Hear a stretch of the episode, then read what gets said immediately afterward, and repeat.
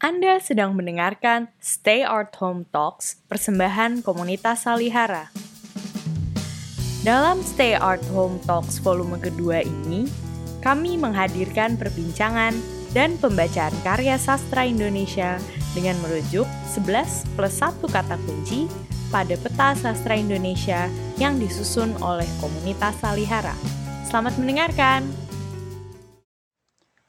Manusia Bebas Dikutip dari roman Manusia Bebas, Gubahan Suwarsih Joyo Puspito, terbitan Pustaka Jaya, 1975, halaman 7 hingga 9. Sulastri menghela nafas. Ia merasakan sejuknya angin malam. Harum kemuning melintas. Ia menikmati harum itu sepenuhnya ia melihat pohon tua beranting tak karuan. Bunga terakhir, putih bagaikan salju, harum semerbak. Radio telah berhenti. Di jalan mulai sepi. Kadang-kadang lentera sepeda menyala dalam kegelapan. Hilang lagi. Rumah-rumah gelap dengan warnanya yang usang itu mempunyai kecantikan yang menarik bagaikan memakai selubung dari bayangan gelap dan cahaya yang remang-remang. Lampu nampaknya samar-samar dan penuh rahasia. Bagaikan terdengar orang tidur sedang bernafas. Sulastri berdiri, menggeliatkan badannya dan bersandar pada dinding kayu dari rumah. Sigaret Sudarmo sudah habis dihisap. Ia menyalakan satu batang lagi Nyala korek api menerangi parasnya barang sedetik. Parasnya kurus, berkerut, menampilkan sifat keras kepala pada kekukuhan rahang pipinya. Akan tetapi, bibirnya lemah dan alisnya hampir tak tampak. Sulastri berpikir, dengan tiba-tiba ia menyerupai seorang tua, suamiku itu ia mendengar suaminya meneruskan percakapannya, sekarang dengan nada agak marah. Siapa mempunyai waktu untuk berpikir? Tak ada seorang pun juga. Orang berbaris memakai pakaian seragam dan menceburkan diri secara menyiksa diri sendiri dalam perlombaan jalan kaki. Semua orang ingin sama dalam pikiran dan gerak-gerik mereka. Masa gerombolan kambing melulu. Tak diperbolehkan mempunyai pendirian dan anggapan sendiri. Dengan begitu kita lebih menjauhi lagi kemerdekaan kita. Ah, kemerdekaan. Siapakah betul-betul merdeka? Tapi, ah, tak begitu. Sulastri membetulkan anggapannya. Dengan begitu, kita menjadi seorang Buddhis. Dan kita belum sampai untuk mempunyai kemewahan bagi bersemedi dalam ketenangan jiwa. Aku menelan kembali kata-kataku tadi. Kita jangan membersihkan diri dengan menjadi seorang penonton saja. Betul, kita ini penonton yang disebut rakyat buku orang yang praktis, orang yang dapat bertindak, mereka beranggapan bahwa kepandaian otak kita harus disimpan di sebuah museum saja. Mereka berpendapat kita ini tak berguna untuk apa pun juga. Sebaliknya, yang muda-muda hanya berpesta pora, berolahraga, dan berfoya-foya. Apakah generasi ini terkutuk untuk hidup secara kupu-kupu genit? Aku tidak tahu. Ada kesan yang memberi peringatan padaku bahwa kita ini melayang di awang-awang. Hubungan dengan rakyat tidak dihormati oleh kelompok pegawai yang tentram hidupnya. Tidak. Ah, aku tak tahu apakah yang akan datang bagi kita pada hari esok kita hidup hancur luluh, Las. Itulah soalnya. Kita saling curiga mencurigai. tak seorang pun juga mempunyai keberanian. Jika ada satu orang saja yang berani, akan tetapi seorang pemimpin tak dilahirkan tiap hari. Atau jika ia sudah ada, ia mungkin telah mengingkari kewajiban itu. Anehnya, Marty itu ingin menentang aliran zaman dan mengemudikan perahunya malahan ke hulu air. Ia terbawa malahan oleh arus yang deras. Ia sudah menjadi borjuis dari kaki ke kepalanya. Borjuis. Ia melahapi kembali kehormatannya yang dulu-dulu seperti Sri Panggung yang meneliti potret-potretnya dari masa mudanya dan merasakan kelezatannya dari pujian-pujian dulu. Dan bagi para tamunya, ia menceritakan kemenangan-kemenangannya dulu-dulu itu. Sayang sekali. Ia tak dapat mengeluarkan dirinya dari lingkungan hidupnya. Sayang jika kita masih ingat bagaimana ia dapat mengajak orang lain dengan keyakinannya yang sungguh-sungguh itu. Sekarang dia juga real. Ah, aku benci akan perkataan itu pekerjaan untuk hal yang baik dan ingin memberikan pengorbanan sedikit, itulah tidak real. Mengecam orang lain dengan sebutan bodoh karena tak mempunyai uang lagi atau telah kawin atas dasar cinta kasih, itulah tidak real. Atau Sulastri mencibirkan bibirnya dan tertawa geli. Semua orang sekarang hanya mengejar kesenangan belaka dan oleh karena itu mengira dapat membeli keluhuran budi. Kita telah mendengarkan pembacaan petikan dari novel Manusia Bebas karya Suwarsi Joyo Puspito, terbitan Balai Pustaka tahun 1975, halaman 7 sampai 9, dibacakan oleh Anton Effendi. Salam dan jumpa lagi dengan saya Ayu Utami di Stay Art Home Talks volume 2 komunitas Salihara dan edisi ini berjudul Suwarsih dan Roman Pergerakan. Ya, kita akan berbincang-bincang tentang seorang penulis Indonesia yang aktif di sekitar tahun 1940 sampai 70-an, Suwarsih Joyo Puspito. Dan bersama saya telah hadir Mbak Aquarini Priyatna, peneliti sastra dan isu gender dan pengajar di FIB Universitas Pajajaran dan kajian gender Universitas Indonesia. Terima kasih telah bergabung Mbak Atwin. Terima kasih juga sudah mengundang. Ya, Suwarsi Joyo Puspito sebetulnya kan sangat menarik. Ia menulis novel pertamanya dalam bahasa Belanda, diterbitkan oleh penerbit Belanda. Judulnya Buiten het Harel atau di dalam bahasa Indonesia itu kira-kira di luar garis atau garis lurus atau di luar batas eh, dan bercerita tentang pasangan suami istri muda yang hidup di uh, luar konvensi-konvensi umum tentang kemapanan di zaman uh, kolonial. Karena mereka memilih ikut dalam pergerakan kebangsaan. Mereka milih jadi guru sekolah liar ketimbang hidupan mapan sebagai pegawai kolonial. Baru 30 tahun kemudian novel ini diterjemahkan dalam bahasa Indonesia dengan judul Manusia Bebas oleh penulisnya sendiri. Nah, Mbak Atwin ini kan novel penting ya, yang sejaman dengan novel-novel balai pustaka sebenarnya. Tapi kenapa nama Suwarsi tidak disandingkan dengan penulis-penulis balai pustaka seperti Marah Rusli, Nur Sultan Iskandar, Armin Pane, dan lain-lain, dan kita tidak pelajari di sekolah? Um, terima kasih uh, pertanyaannya. Uh, pertanyaan itu sangat penting karena sebetulnya tidak saja dapat diaplikasikan ke persoalan Suwarsi sebagai novelis, tetapi juga kepada penulis perempuan pada umumnya jadi eh, penulis-penulis perempuan atau isu mengenai perempuan sering kali dianggap uh, remeh dan tidak penting untuk disejajarkan dengan penulis-penulis laki-laki yang sering kali dianggap lebih punya bobot sebagai sastrawan. Uh, kalau kita mau mengecek lebih luas saja, hanya 17 pemenang Nobel sastra itu perempuan 100 dari 116 sisanya laki-laki. Uh, itu adalah fenomena umum. Tetapi sebetulnya Tulisan Suarsi itu penting karena dia mencatatkan, dia mendokumentasikan gerakan nasionalis Indonesia di dalam kelindannya dengan gerakan perempuan. Uh, dan juga yang menarik dari uh, Suwarsi adalah dia bercerita tentang gerakan uh, nasionalis dalam kompleksitas diri sebagai perempuan yang mempunyai peran-peran ganda baik dia sebagai aktivis, sebagai aktivis nasionalis, aktivis perempuan, sebagai pendidik, sebagai istri dan bahkan juga sebagai ibu.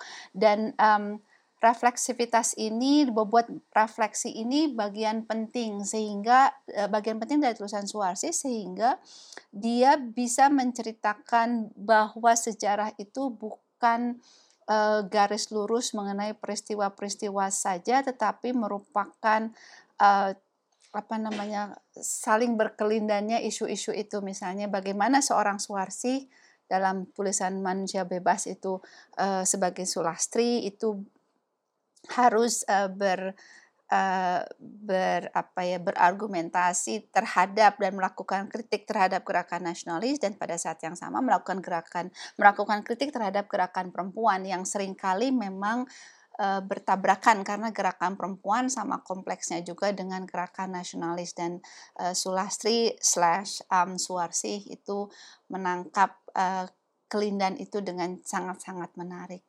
Barangkali itu ya, uh, sehingga Suwarsi harus dibaca juga dalam konteks bagaimana uh, apa isu besar itu ditampilkan dengan cara yang sampaknya remeh begitu sehingga harusnya ada di dalam tulisan sastra kita dan supaya anak-anak Indonesia itu sadar bahwa kita juga punya penulis besar seperti Suwarsi, penulis perempuan yang besar seperti Suwarsi.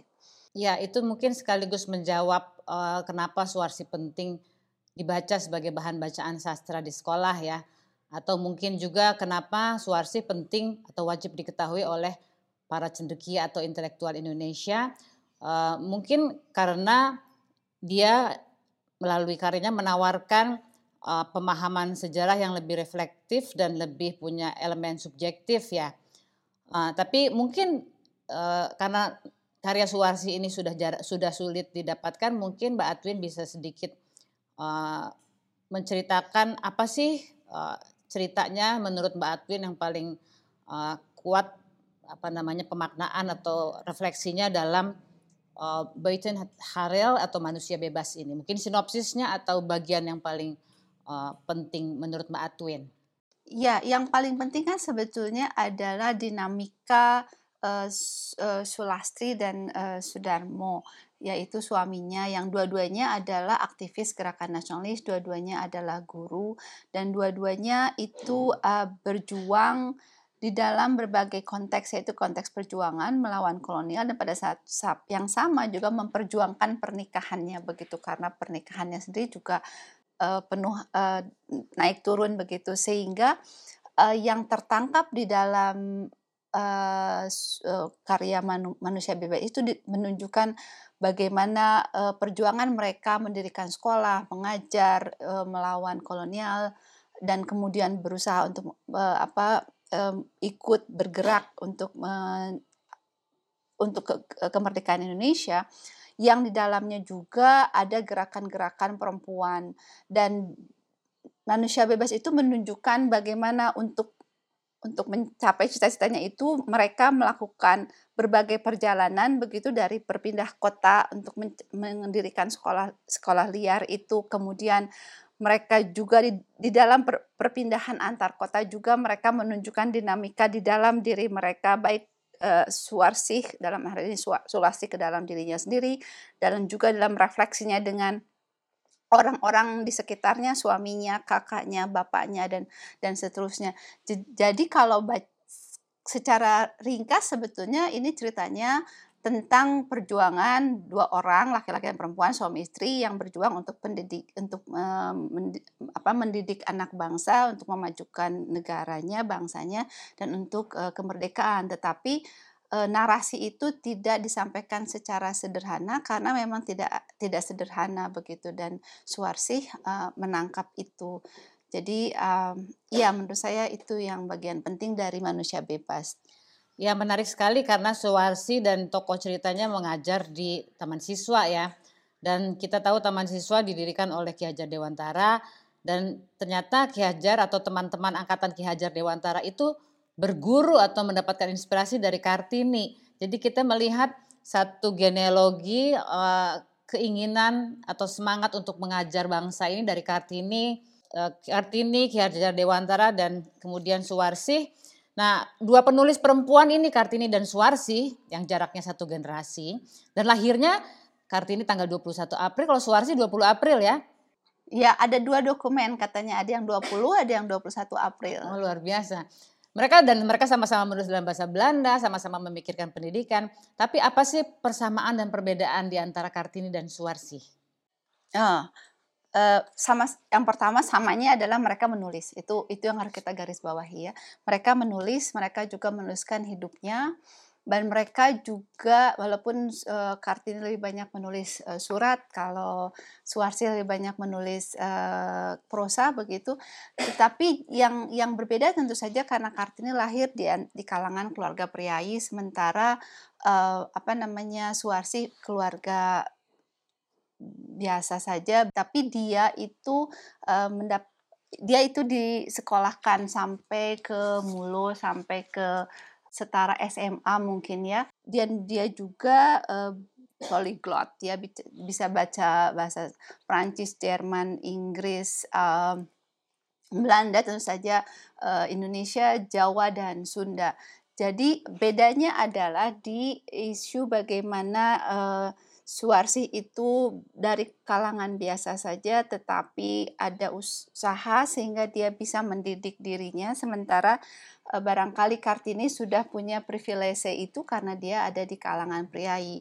Buat saya e, itu menarik tentu saja e, apa namanya konteksnya berbeda juga karena beda satu generasi. Mungkin Kartini lebih terikat ke dalam struktur budayanya pada masanya. Suwarsi punya lebih apa ya lebih mungkin sedikit lebih ada kebebasan dibandingkan Kartini tapi bagaimanapun juga lompatan pendidikannya itu menurut saya sangat-sangat menarik.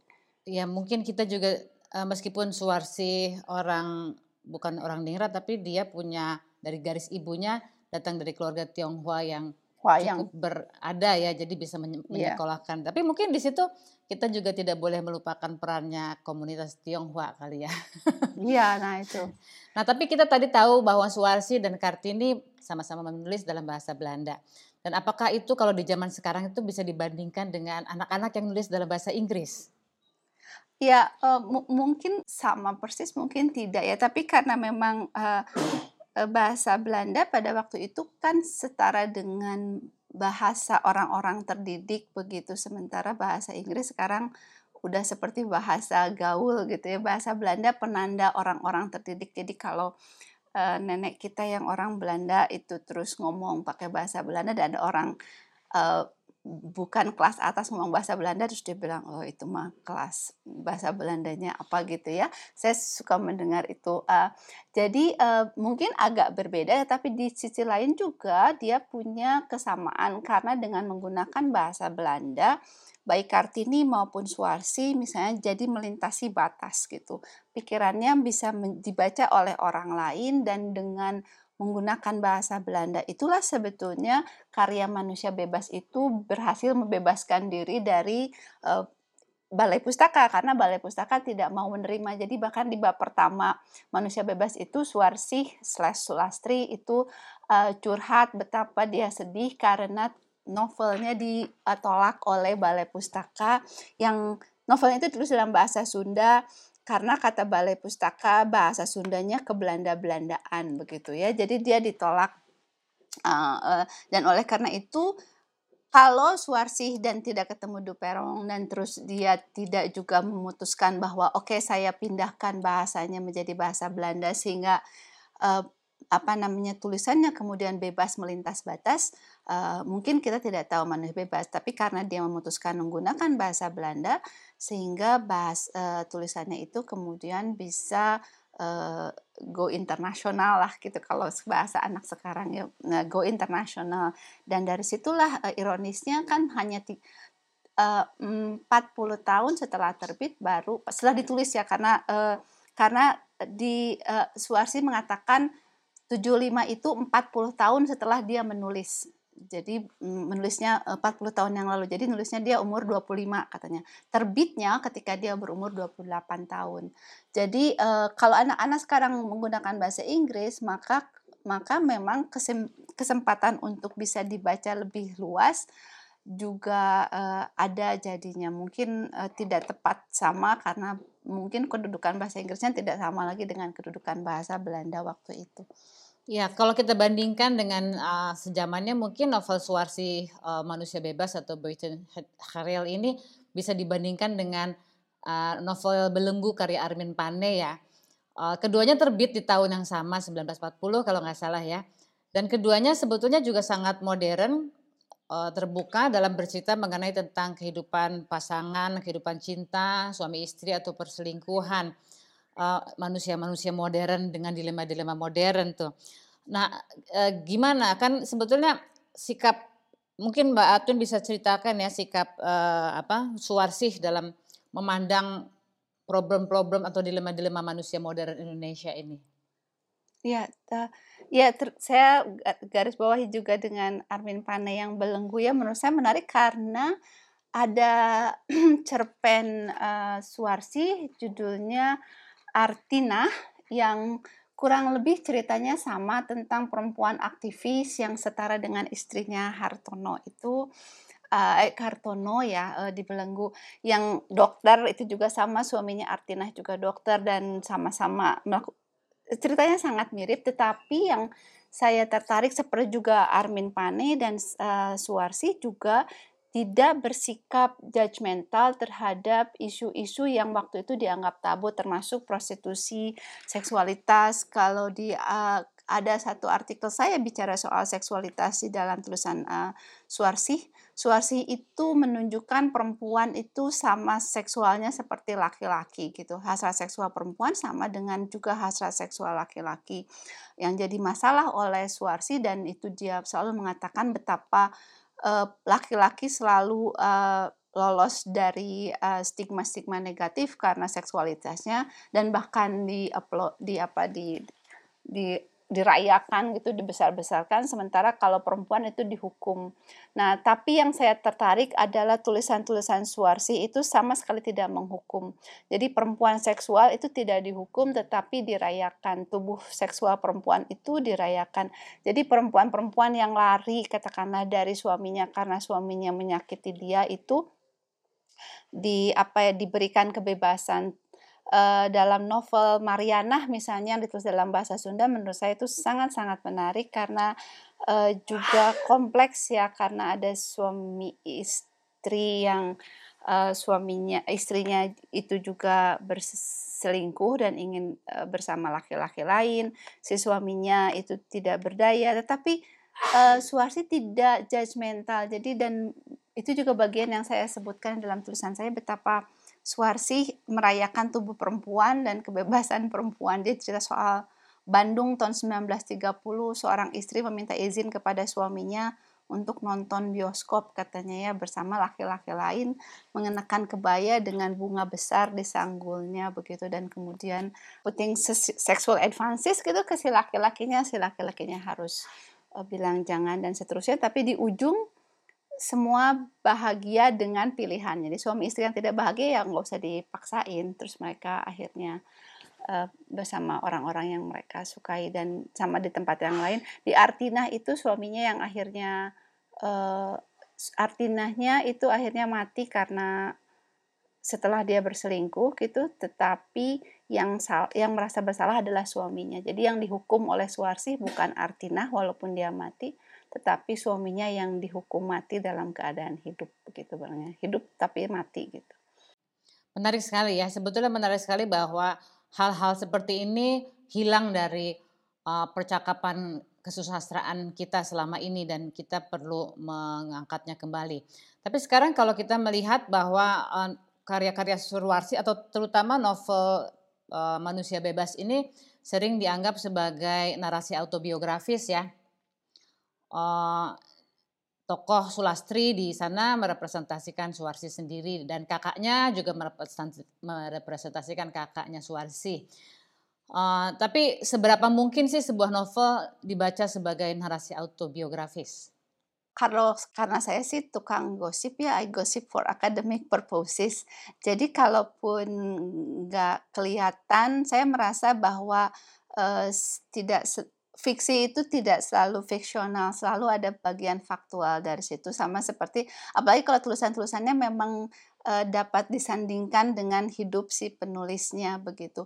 Jadi uh, narasi autobiografisnya Suwarsi itu memang bagian penting dari uh, menurut saya semangat uh, feminisnya, semangat gerakan perempuannya Suwarsi karena untuk menunjukkan kompleksitas uh, uh, apa aktivis perempuan, aktivis gerakan perempuan nasionalis pada waktu itu, maka yang yang yang hilang dari narasi adalah kompleksitas itu dan dari narasi besar maksudnya yang yang ditutupi oleh yang bukan ditutup jadi yang di uh, kalau ada itu ada rumpang begitu nah rumpang itu yang diisi oleh Suwarsi dengan menunjukkan bahwa uh, satu gerakan nasionalis itu tidak bukanlah merupakan entitas yang homogen sama juga dengan gerakan perempuan.